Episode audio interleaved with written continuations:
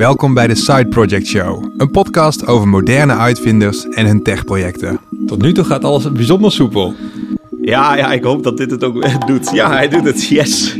Waar de meeste mensen blij zijn dat ze op zaterdagmiddag hun hersenen eventjes op pauze kunnen zetten, zijn er ook genoeg van ons die zich in hun vrije tijd vol op een technologisch side project storten. Maar wat drijft deze woonkamer Willy Wortels en wat kunnen wij van ze leren? Wat ik heb gemaakt heet eh, Eerste Hulp bij Abonnementen. En het is ontstaan vanuit een eigen frustratie die ik had. Mijn naam is Bram van Dijk, ik ben techjournalist en mijn hobbyprojecten kwamen niet veel verder dan if this then that receptjes maken, die dan vervolgens te goed werkten waardoor ik mijn mail aan het overspoelen was.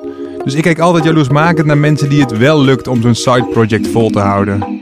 Dan gebruik ik die side projects om al dat soort nieuwe dingen te leren zonder dat het risicovol is voor mijn carrière. In de Side Project Show, een podcast van ABN AMRO, ga ik iedere aflevering op bezoek bij een IT'er met zo'n bijzonder techproject. Om erachter te komen hoe de uitvinding werkt, wat deze uitvinders drijft en waar zij in hemelsnaam de tijd vandaan halen. Vandaag zijn we bij Joost Platel in Utrecht. Joost is 30 jaar en werkt als datastratege voor verschillende bedrijven. Maar het liefst is hij met zijn eigen projecten bezig. Joost is een echte side project fanaat. Hallo Joost, ben jij van de slimme abonnementen? Ja, daar ben ik van. Oké, mogen we verder komen? Jo. Jo. Eh, hoi. Overal in zijn huis zijn hobbyprojecten te vinden. De lamp boven de tafel is zelf gemaakt. Op tafel staat een bonnetjesprinter als kunstobject. En aan de muur hangt een gedicht dat hij programmeerde voor de verjaardag van zijn vriendin. Maar daarvoor zijn we hier allemaal niet. We zijn hier voor het project Eerste Hulp bij Abonnementen, waarbij iedereen inzicht kan krijgen in welk NS-abonnement voor hem of haar het meest geschikt is. Maar voordat we daaraan beginnen, kunnen we niet om een ander side project van Joost heen. We lopen hier ook naar de keuken toe, want we komen hier eigenlijk al meteen bij jouw eerste zelfbouwproject. Ik kijk naar een soort eh, ronde kookpan, voor mij is het een rijstkoker en een, eh, ja, een blok hout ernaast met een display erop. Maar de vraag is natuurlijk, waar kijk ik naar? Ja, eh, nee, je kijkt inderdaad naar een rijstkoker. ehm, en die wordt aangestuurd door een PID-controller, zoals dat heet. En eh, wat hij doet, is hij houdt me, eigenlijk een rijstkoker, schakelt hij aan en uit op basis van de temperatuur die hij meet. Eh, dus het mooie daarvan is dat je die temperatuur in de rijstkoker heel constant kan houden. Daarmee kan je op een Franse manier koken, dat heet sous vide. En ja, jullie krijgen dadelijk een lekker eitje die gegaard is op 62 graden. Oeh, en dat is, dat, dat is de beste temperatuur?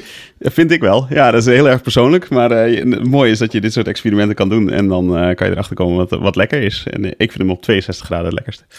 Want hoe weet het eh, apparaat welke, hoeveel graden het is? Ik zie er wel een draadje in de pan lopen. Ja, ja, dat is gewoon een temperatuursensor inderdaad. En die hangt in het, in het water wat in de rijstkoker zit. En die meet inderdaad op basis van dat de temperatuur.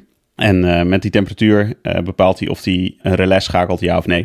Eh, en die relais die zit eigenlijk voor de rijstkoker. En de rijstkoker staat continu op aan. En de relais die bepaalt of hij daadwerkelijk stroom krijgt, ja of nee. Nou, eh, eh, gooi ze er maar erin. Ik lust Ja. wel een eitje. Dan gaan we Een beetje zacht gekookt het liefst. Ja, dat, dat zijn ze, zeker. Zeker.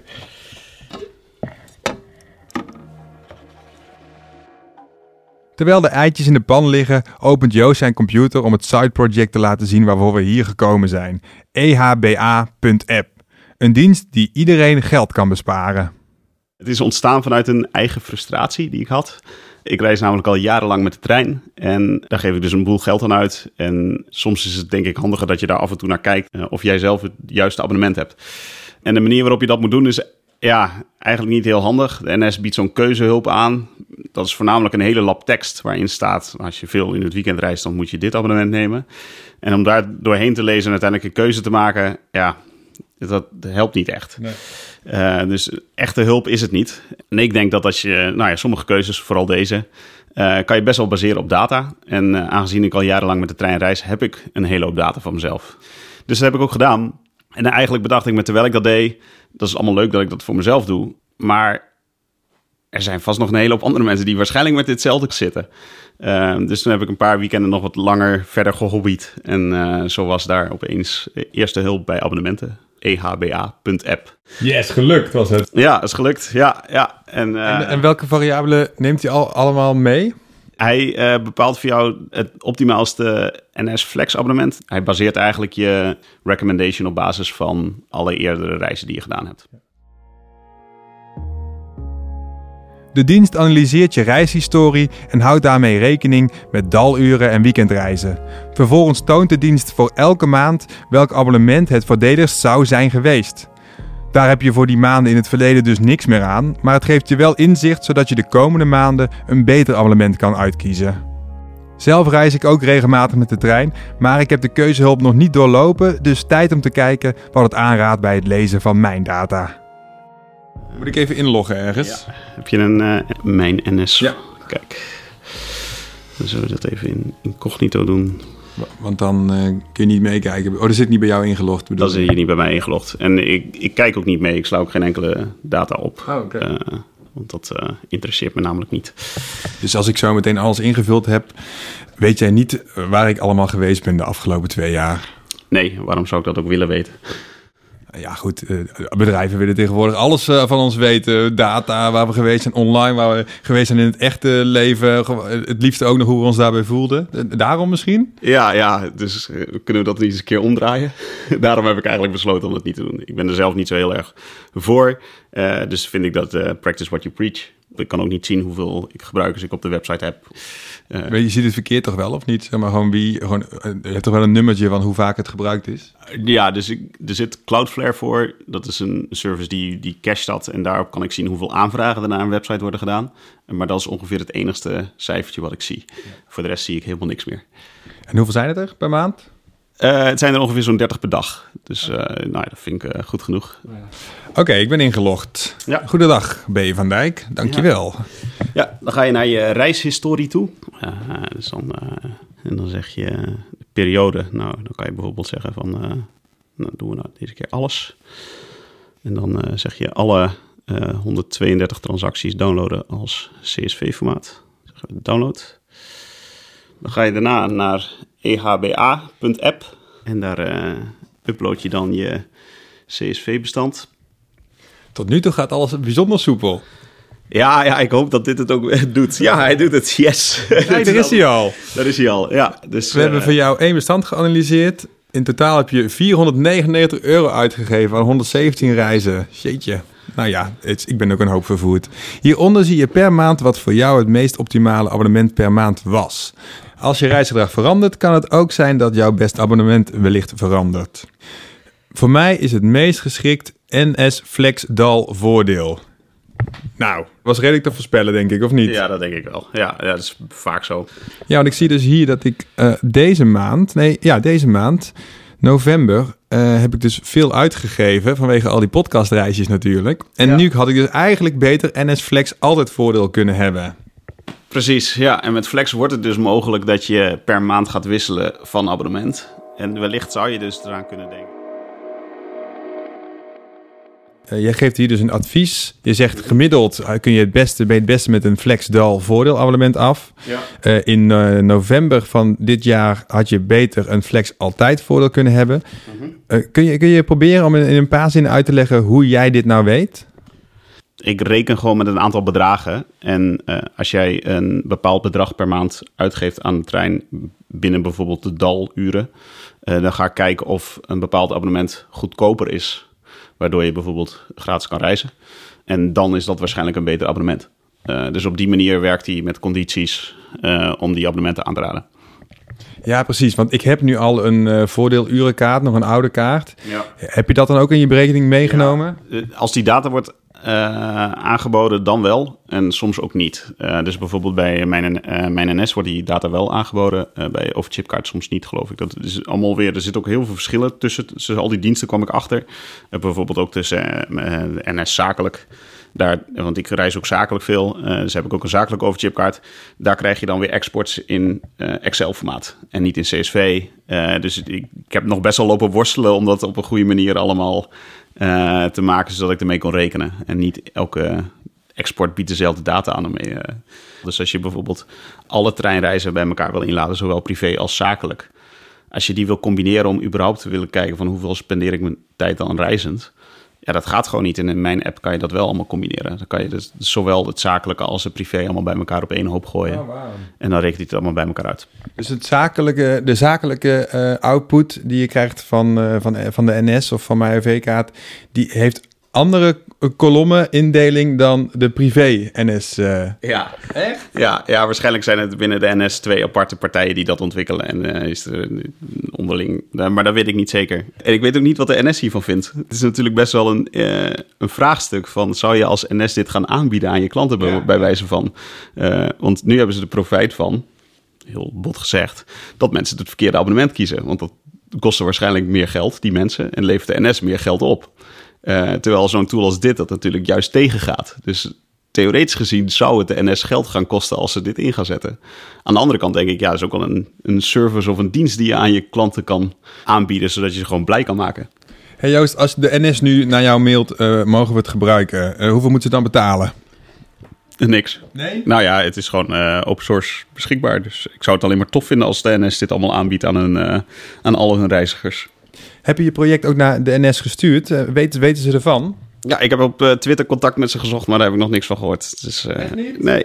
Maar ja, wie weet wat er gebeurt als het met deze podcast in het nieuws komt of iets dergelijks. Maar de app is er al. Ja. Precies. Het is Ctrl-C, Ctrl-V, NS, als je luistert. Hallo? Maar dat maakt me niet uit. Hè. Ik bedoel, daar, daar doe ik het. Ik doe het niet voor de NS of, of tegen de NS. Dat is, dat, dat, daar gaat het mij helemaal niet om. Nee, je doet het ook niet met de NS. Nee, nee, idealiter deed ik het wel met de NS. hey, wat horen we? Eh, volgens mij zijn de eitjes goed. De eitjes zijn klaar. Kijk eens aan. Ga je die dan moet je hem nu meteen eruit halen, anders gaat het natuurlijk het ideale moment Ja, weg. ideal- idealiter moet die nu, nu eruit halen. Maar ik moet ook nog even broodjes maken en alles. Dus dat eh, gaan we nu even doen, denk ik. Bieslow komt er ook nog bij. Ja, ja, ja. Bieslook ook, hè. Je moet ook een eitje wel... eh, wel mooi maken natuurlijk. Ja, je maakt er wel een feestje van, eh, Joost. Ja, het moet wel een beetje speciaal zijn, toch? Als je zo'n eitje maakt. Maak ik ook niet elke dag. Zo, op. Kijk nou, jeetje. Lekker smurrie is het. Ja, het is eh, het beste vergelijken met een wolkje op brood, denk ik. Dus eh, ja, smakelijk eten, jongens. Dankjewel. Mm. Hij loopt weg. Mm. Wow. Tevreden? Ja, dat wel. Wel heel lekker.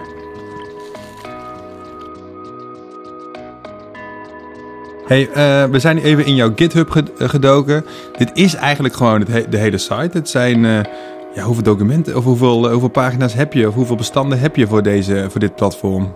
Waar ik mee werk, ik denk een stuk of vijf, Ja. zes. En uiteindelijk ko- komen er twee of drie uit. En that's it. Ja, het is niet heel eh, ingewikkeld. Waar worden jouw berekeningen gedaan? Dus waar eh, worden de CSV'tjes omgezet naar, eh, eh, ja, naar een resultaat, naar Ja, die, een- advies? Wat je doet is je, op het moment dat je ze uploadt, dan eh, worden ze verwerkt door eh, Lambda op AWS serverless. En eh, dan komen ze weer bij de voorkant terecht. Dus het is gewoon, eigenlijk wordt er een, een micro-instance opgestart. En daar worden de berekeningen op gedaan. En die geeft hem weer terug. En dan eh, is hij weer klaar. En als hij dan 15 minuten lang niet wordt gebruikt, dan zet hij hem weer uit. Als hij wel weer wordt gebruikt, dan blijft hij langer aan.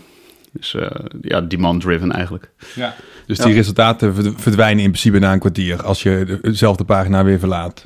Eh, als jij die pagina verlaat, dan- dan ben je inderdaad de resultaten kwijt. Maar je kan ze daarna gewoon weer uploaden. Want het is voornamelijk veel nummer crunching, maar of eigenlijk ook niet eens heel veel. Eh, maar het is gewoon dat het eventjes wat in een format wordt gezet waarmee eh, ik grafiekjes kan bouwen. En eh, welke abonnementen er allemaal zijn. Ja, dat moet eventjes handig gebeuren. Maar Wil je mij eens even laten zien waar jij de data koppelt aan de adviezen? Het is opgesplitst in twee delen. Dus aan de ene kant de, wat de achterkant doet, dus de serverless site, die, wat die doet is die rekent echt zeg maar alle Excel sheets en eh, dingen om tot een format waar ik wel zelf wat mee kan. Vervolgens laat ik zelfs de bepaling van abonnementen in de voorkant zelf gebeuren, dus in de client zelf. En dat is gewoon met een hoop if-else's. Eh, wat een achterkant uitrekent is dat die, eh, die groepeert de data per maand, per week, per dal of niet dal. En op basis van een aantal conditionals, dus else ifjes, en die aan een aantal waardes voldoen, eh, rekent die uit eh, wat eh, het meest goedkope abonnement is. Dus bijvoorbeeld, als jij in een maand meer dan 347 euro uitgeeft, dan is een NS Flex altijd vrij goedkoper. Want die kost namelijk ietsjes minder dan 347 euro per maand.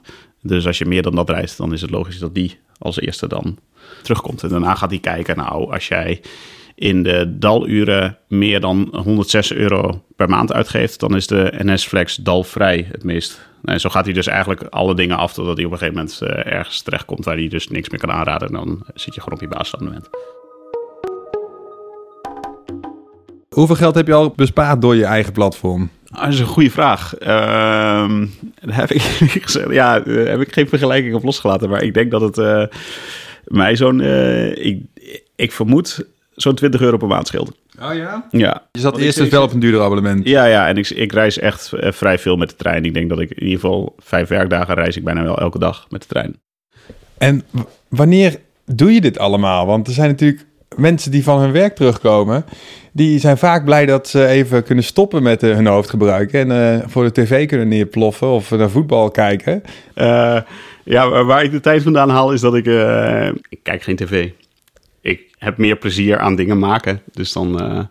ja, uh, en soms heb ik daar ook de energie niet voor en dat is ook oké. Dan zit ik gewoon op de bank en dan zit ik de hele avond YouTube te kijken. Dat mag ook.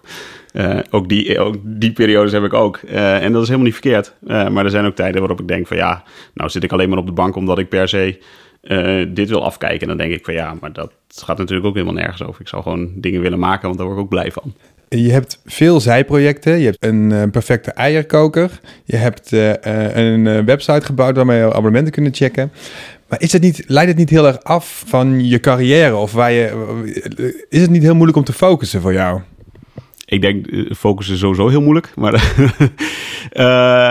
nee, ik denk juist dat het ontzettend veel toevoegt. En de reden waarom is dat je, als je juist die zijprojecten doet in een totaal ander gebied, dan merk je opeens dat er overlap zal zijn tussen die twee gebieden. Bijvoorbeeld je carrière van het werk wat je doet en een, een zijproject wat er totaal niet mee te maken heeft dat er dingen zijn die je van elkaar kan leren. Dus door het zijproject leer je iets te doen wat je wellicht kan gebruiken in je carrière en andersom. Dus bijvoorbeeld die website die ik voor de NS heb gemaakt, die abonnementen aanraad, die heb ik gemaakt met een stuk technologie voor frontend werk, waar ik helemaal, ik ben helemaal geen frontender, maar ik wil wel met een stukje nieuw technologie spelen. En dan gebruik ik die side projects om al dat soort nieuwe dingen te leren, zonder dat het me risicovol is voor mijn carrière, omdat ik dan ineens een hele heftige stap zou moeten nemen, bijvoorbeeld. Dus ik denk dat juist die side projects ontzettend goed zijn voor mijn carrière. En focus, ja, ik denk niet dat iedereen acht uur lang per dag kan focussen. Dus dat hoeft ook helemaal niet. En uh, side projects als deze houden me juist op de rit en zorgen ervoor dat ik energie overhoud voor andere dingen. Ja. Zo schiet Joost van side project naar side project en wordt hij bij elke klus weer iets wijzer. Voor hem is het geen afleiding, nee, het is juist een manier om zich door te ontwikkelen. Zijn hobby stuurt zijn carrière. En bij elk idee dat hij uitvoert, krijgt hij er weer twee nieuwe bij. Dit side project voor jou is eigenlijk een soort van afgerond. Het werkt en je moet een beetje moeite nog doen om het in de lucht te houden, maar eigenlijk nauwelijks. Uh, waar werk je nu dan aan? Uh, ja, dan moet ik eventjes in uh, mijn archief, nou ja, in de voorraadkast duiken. Nou, laten we even in de voorraadkast duiken. Ik ben nooit slecht om in de voorraadkast te duiken hoor. Even in de slaapkamer, de voorraadkast begeeft zich toevallig op de slaapkamer. Oh kijk, hier is het wel lekker volgebouwd, Joost. Ja, hier is het helemaal volgebouwd met opslag en dingen. Maar ik kan het eventjes naar de huiskamer verplaatsen, kunnen we daar weer verder ja. erover praten. Je hebt een enorme kast in je hand ik denk, uh, het is een beetje een, een platenspeler uh, grootte ongeveer, zou ik zeggen. Ja, bovenop twee, twee platenspelers bovenop elkaar, denk ik. Ja, ja. ja. En uh, nou, het, is in ieder geval een vrolijk apparaat. Ik heb geen idee wat het doet. Het ziet een beetje uit als een kruisje tussen een arcadekast en een, een soort van hele grote FM-speler autoradio. En maar, wat is het? Ja, uh, het is een projectje waar ik de afgelopen jaar, twee jaar nu mee bezig ben geweest. Het begint nu bijna af te raken. Dit is een, nou ja, net zoals die rijstkoker eigenlijk voor een PID-controller heeft gekregen, is dit een controller voor mijn eigen hobbybrouwerij. Eh, dus ik brouw zelf bier. En eh, dat doe ik in een eh, wekketel. En je kan er helemaal kant-en-klaar eh geautom- vol geautomatiseerde brouwerijen ook als hobbybrouwer kopen. Maar ik vind het veel leuker om het zelf te maken, want dan kan je allemaal designkeuzes maken die je anders niet kan doen. Dus die van mij, het is je al opgevallen, heeft dus arcade knoppen om mee te bedienen. Dus ik kan mijn brouwerij zodat ik aansturen met arcade knoppen. Heb je ook een, de, de arcade geluiden al ingebouwd? Nee, die nog niet, maar dat vind ik nog wel een feature die er nog wel bij in mag inderdaad. Ja, ja. Wat kan dit apparaat zo meteen? Ehm, wat ik uiteindelijk wil is tijdens het bierbrouwproces. Dat is wat ingewikkelder dan alleen een eitje koken die op één temperatuur moet worden gehouden. Eh, dan moet je een heel temperatuurprogramma eigenlijk langs. Nou ja, wat, wat ik aan het maken ben is dat hij dat automatisch van het internet afplukt. Op een website waar ik allemaal recepten beheer van al mijn bier. En eh, dat ik gewoon mijn recept kan selecteren en dat hij dat vervolgens gaat brouwen. Als ik alle ingrediënten erin heb gedaan. En dan weet hij dus op een, hij moet een uur lang op die temperatuur staan en dan weer eh, een dag lang op eh, daarop met deze Ja. luchtvochtigheid. Of wat, wat, wat, wat kun je allemaal instellen? Temperatuur en nog meer? Nee, voor, voor nu alleen temperatuur. Eh, en het is voor het, eh het maisproces, zoals ze dat noemen. Eh, dus het is voornamelijk echt het brouwproces. Uiteindelijk wil ik hem ook zo gaan maken dat hij ook eh, tevens als kast kan dienen. Dat hij als, tijdens het fermenteren daadwerkelijk de temperatuur kan bedienen. Dus dat is allemaal nog eh, toekomst en eh, nog verder afmaken. Maar eh, dit is wel echt een project wat ik, waar ik nu mee bezig ben. Superleuk, dankjewel. Hebben we alles op, opgenomen ook nog? Ja, we hebben ook nog alles opgenomen. Gepakt met biertjes van Joost in mijn tas stap ik weer de trein in. Met het abonnement dat het beste bij mij past. Dankjewel Joost.